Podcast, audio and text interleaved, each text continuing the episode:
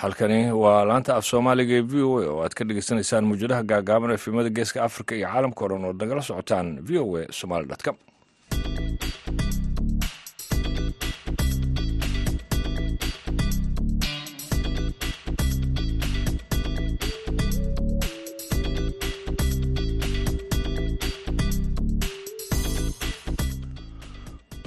wanaagsan. Dhegeystayaal dhammaantiinba waa kowdii iyo barkii duhurnimo xilliga geeska africa iyo shantii iyo barkii subaxnimo xilliga washington d c. Waa khamiis afarta bisha january sanadka labada kun afar iyo labaatanka waana barnaamijkeenii duhurnimo ee dhallinyarada oo uu idiin soo jeedinaya onaga ibraahim xasan daandure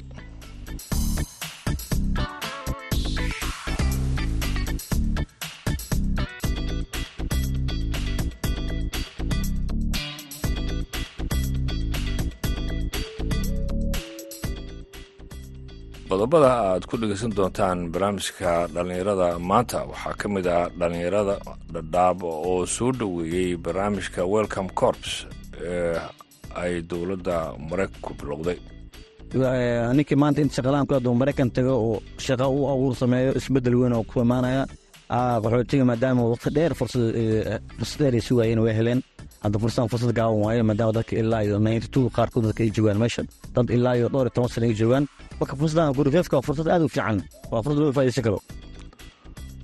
waxaa kale oo aad dhegeysan doontaan dhallinyaro boosaaso lagu qabtay tababar ku saabsan khilaafaadka ah iyo wadaxaajoodka ah ee sihiina kama maro barnaamijka. Hase yeeshee intaas oo dhan waxaa ka soo horeyn doonaa warkii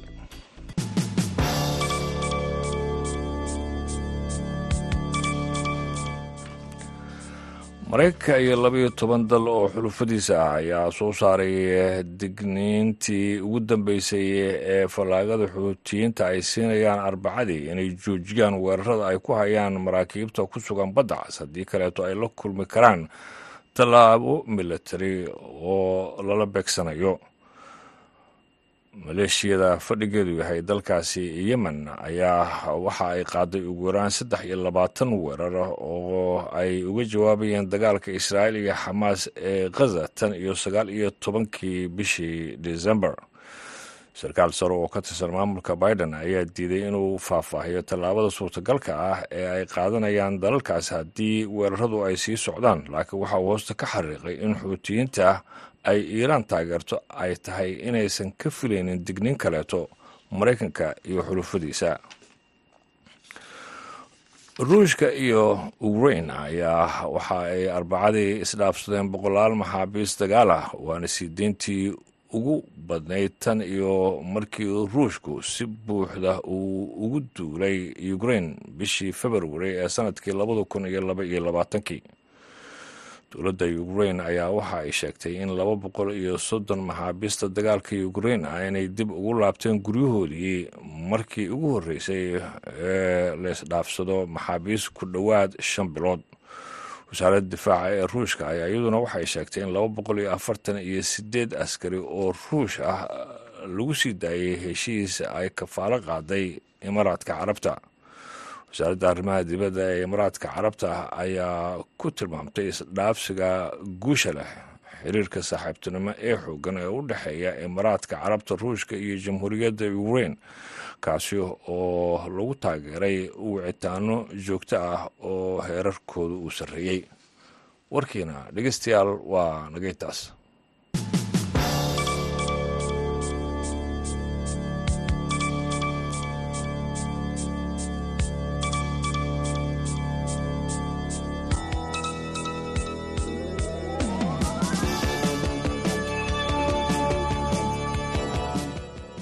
dhallinyarada ku nool dhadhaab ayaa waxay aada u soo dhoweeyeen barnaamijka welcome corbes ee ay bilowday dowladda maraykanka kaasi oo shacabka maraykanka u ogolaanaya inay kafaalo qaadaan qaxootiga. Wariyaha v o a dhadhaab cabdisalaan salas ayaana warbixinta noo soo diray. Xeryaha dhadhaab ee dalka kenya ayaa saldhigu ah kumanaan dhallinyaro ah oo u badan soomaali kuwaasoo badankood ku riyoonaya dibudejin dal saddexaad iyadoo dhallinyaradaasina rajooyinkooda ay ku xidhaan isbedelada ka dhaco dalalka galbeedkaasi ay u helaan fursad dibudejin ah oo wax badan ka bedeli karta nolosha ay haatan ku nool yihiin. Qaar ka mid a dhalinyarada qaxootiga ee ku nool xeryaha ayaa ka warramay siday u arkaan muhiimadday u leedahay barnaamijka loo yaqaano welcome coob ee qaxootiga u oggolaanayo inay ugu socdaalaan dalka maraykanka. Anugu bilaaba magaceyga cabaas maxamuud salibaan maadaama qaxootiga buufis in badan aan sugeyn wax badan buufis aan ku jirnay. Cabdisalaan waxaan kale kuu sheegayaa arrintaas inay fiican tahay maadaama oo maraykanka wadanka maraykanka iyo waddamada kanada gurufeefka aad loo dadka loo qaadanaya dadka qaxootiga jooga boqolkiiba sagaashan dad u maqan dibad u jiro. Dadkaasi marka waxaan u rajeynaya dadkooda si fudud ay ku qaadan karaan inay helaan maadaama qaxootiga ay joogaan dad badan oo buufis mareen oo buufis sugaayaan oo muddo badan ay ku qaadatay waa tahay cabaas waxay sheegtay shan sano ka hor in lagu soo dhejiyey. Ilaa haatan aad barnaamijkaagii broseskii weli kuu soconayo bal fursadan dhalada qaxootiga faa'iidinta laga leedahay maasha allah waa faa'iida fiican aad u fiican.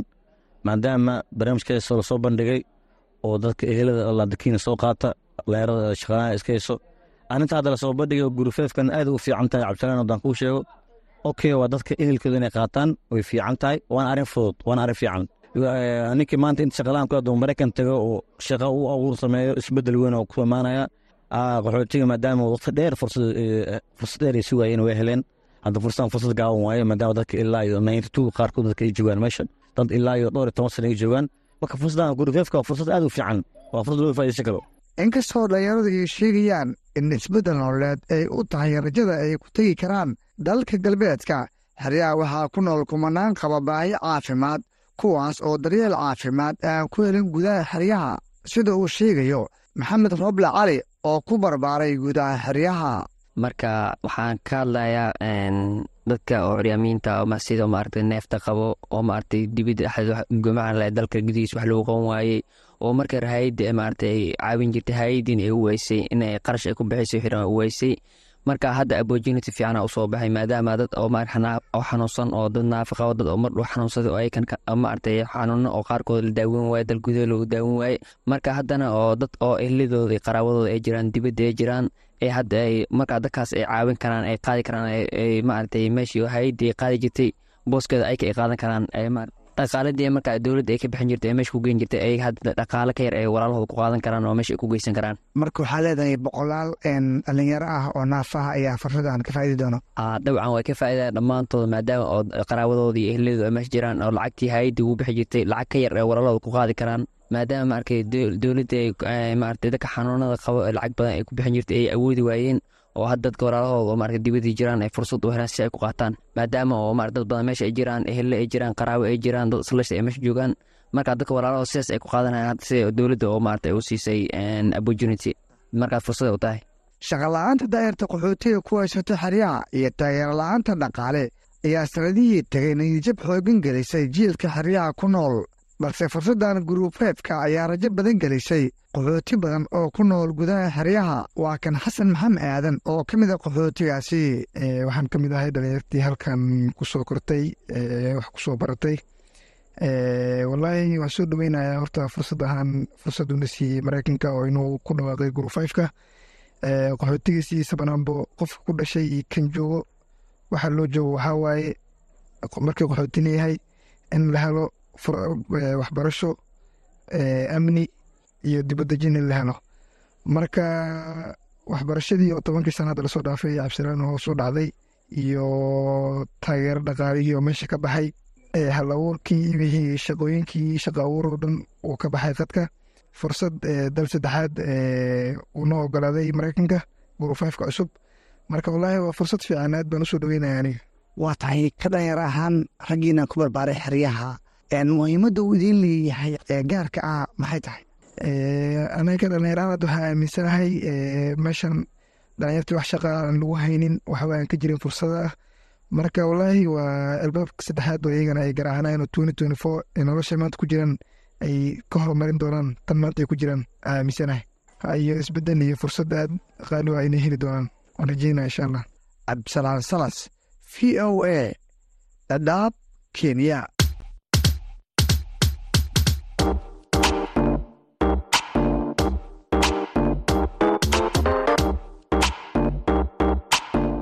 idaacadda v o a waxaad si toos uga dhegaysan kartaa efemyada magaalooyinka geeska afrika. Haddii aad joogto magaalada muqdisho waxaad v o a ka dhegaysan kartaa v o e da f m teda sagaaliyo sagaashan dhibic sagaal iyo raadiyo muqdisho f m teda sagaashan dhibic eber eber. Redio kulmiye f m-ta sideed sideed redio resala hal eber labo dhibic labo hargeysa sideed sideed dhibic eber v o a. Haddii aad kismaayo joogto v o e da waxaad ka dhegaysan kartaa raadiyo sooyaal f m sideed sideed dhibic eber.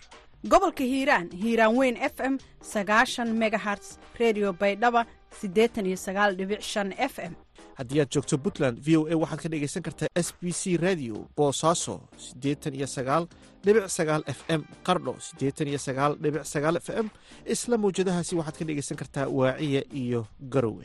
Wajeer waxaad naga dhegaysan kartaa star f m sagaashan iyo toddoba dhibic saddex. Mandheera waxaad naga dhegaysan kartaan star f m sagaashan iyo toddoba dhibic shan.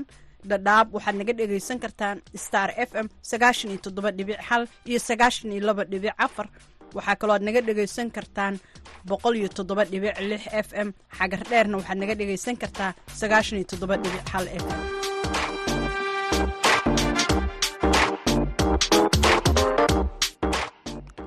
Door wanaagsan ayaan dhegeystayaal mar kale idin leeyahay. Markana waxaan jilacinaa dhankii heesaha ku soo dhowaada heestan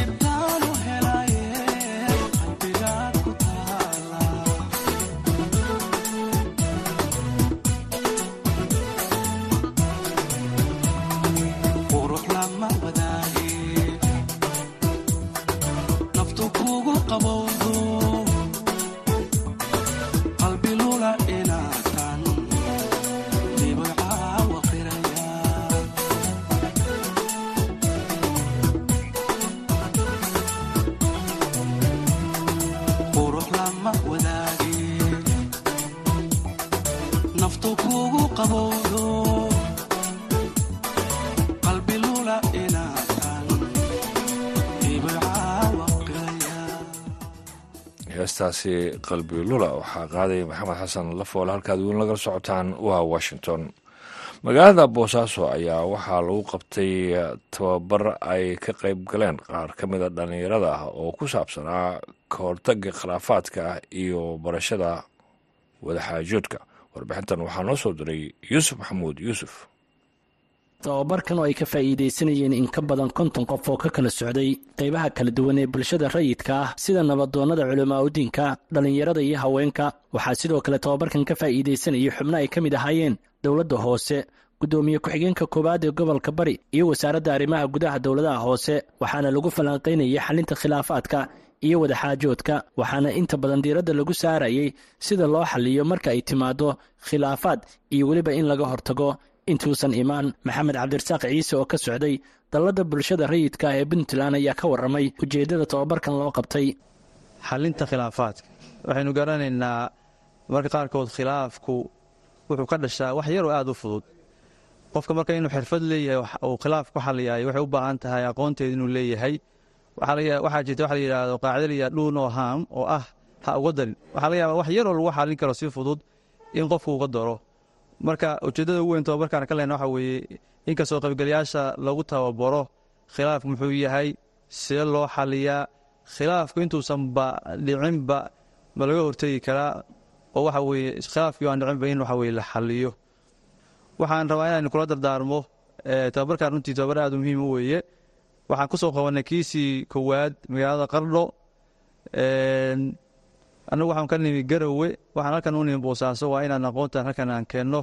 Macalin baanu soo waxa weye u soo qabannay oo in ka badan soddon sano khibrada leh oo arrimaha xalinta khilaafaadka. Waxaan doonaynaa marka in si qoto dheer looga faa'iideysto waad ogtihiin waayadan dambe waxaa jira khilaafyo badan oo ka dhasha. Ama hadda aan horey loo aqoon hadda horey maynu aqoon khilaaf ka dhasha doorashooyinka. Waxa laga yaaba doorashooyinkeena hore ina iska hayeen doorashooyin traditional oo dhaqan oo isamadu ay wax soo xulaan oo aan wax badan oo khilaafa keenin. Maanta waxaa arkaysaan dabada la haystaa tafada lagu dhegan yahay.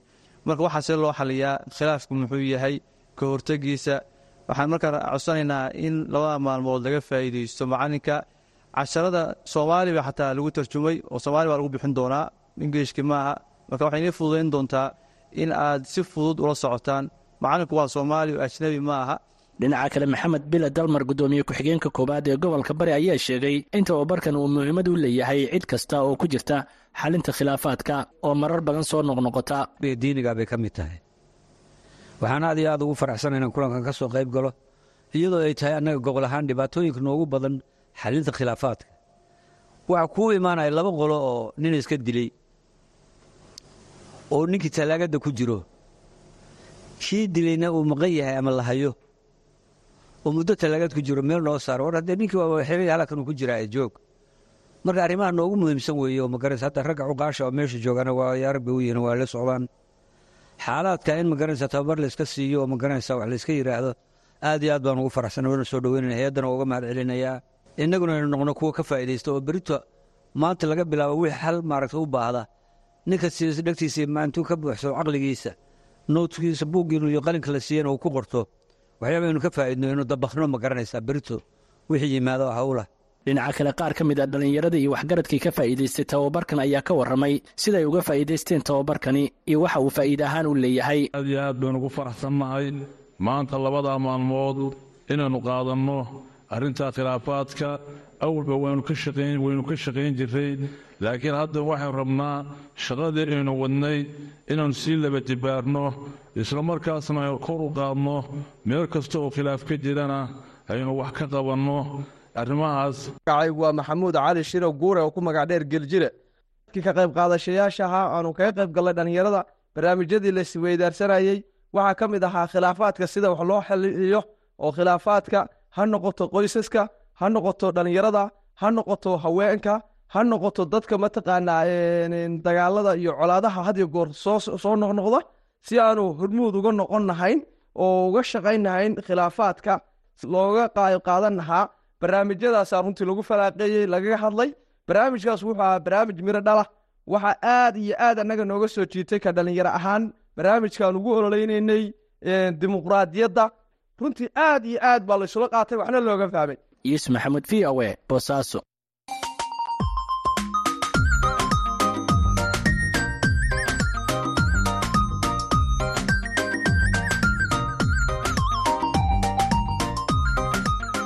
bandhiga v o e barnaamijka bandhiga v o a waa barnaamij oo idinku tala gashay laanta af soomaaliga ee v o a bandhigga v o e waxaad khamiis walba kaga bogan kartaa qormooyin kala duwan oo la xidhiidha taariikhda iyo aqoonta guud dhaqaalaha sharciga iyo samafalka.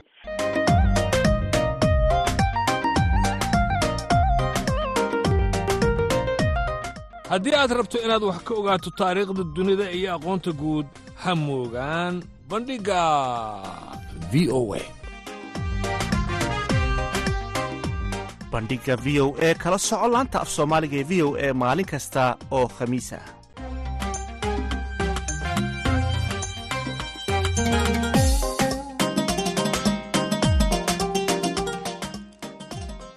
haatana dhegeystayaal waxaad ku soo dhowaataan heesta gantaalkii jacaylka iyo codkii cabdow araram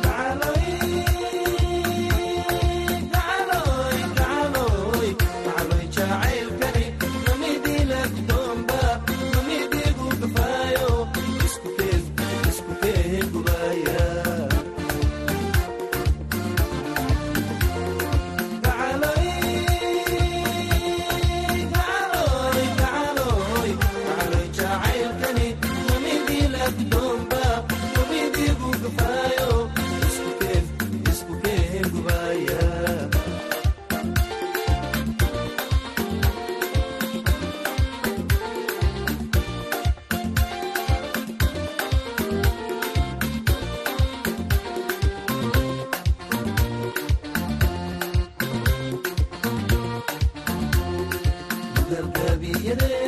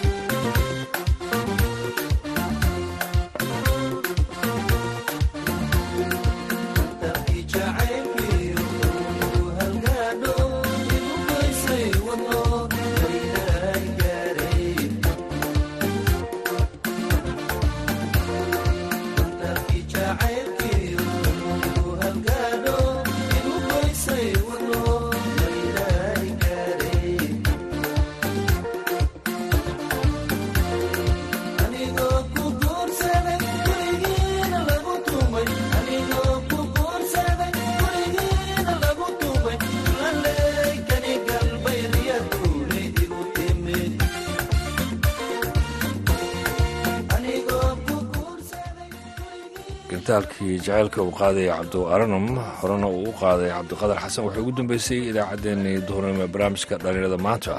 Waxaan idiin soo jeedinaya anigoo ibraahim xasan daanduray intaan mar kale kulmi doono nabadgelyo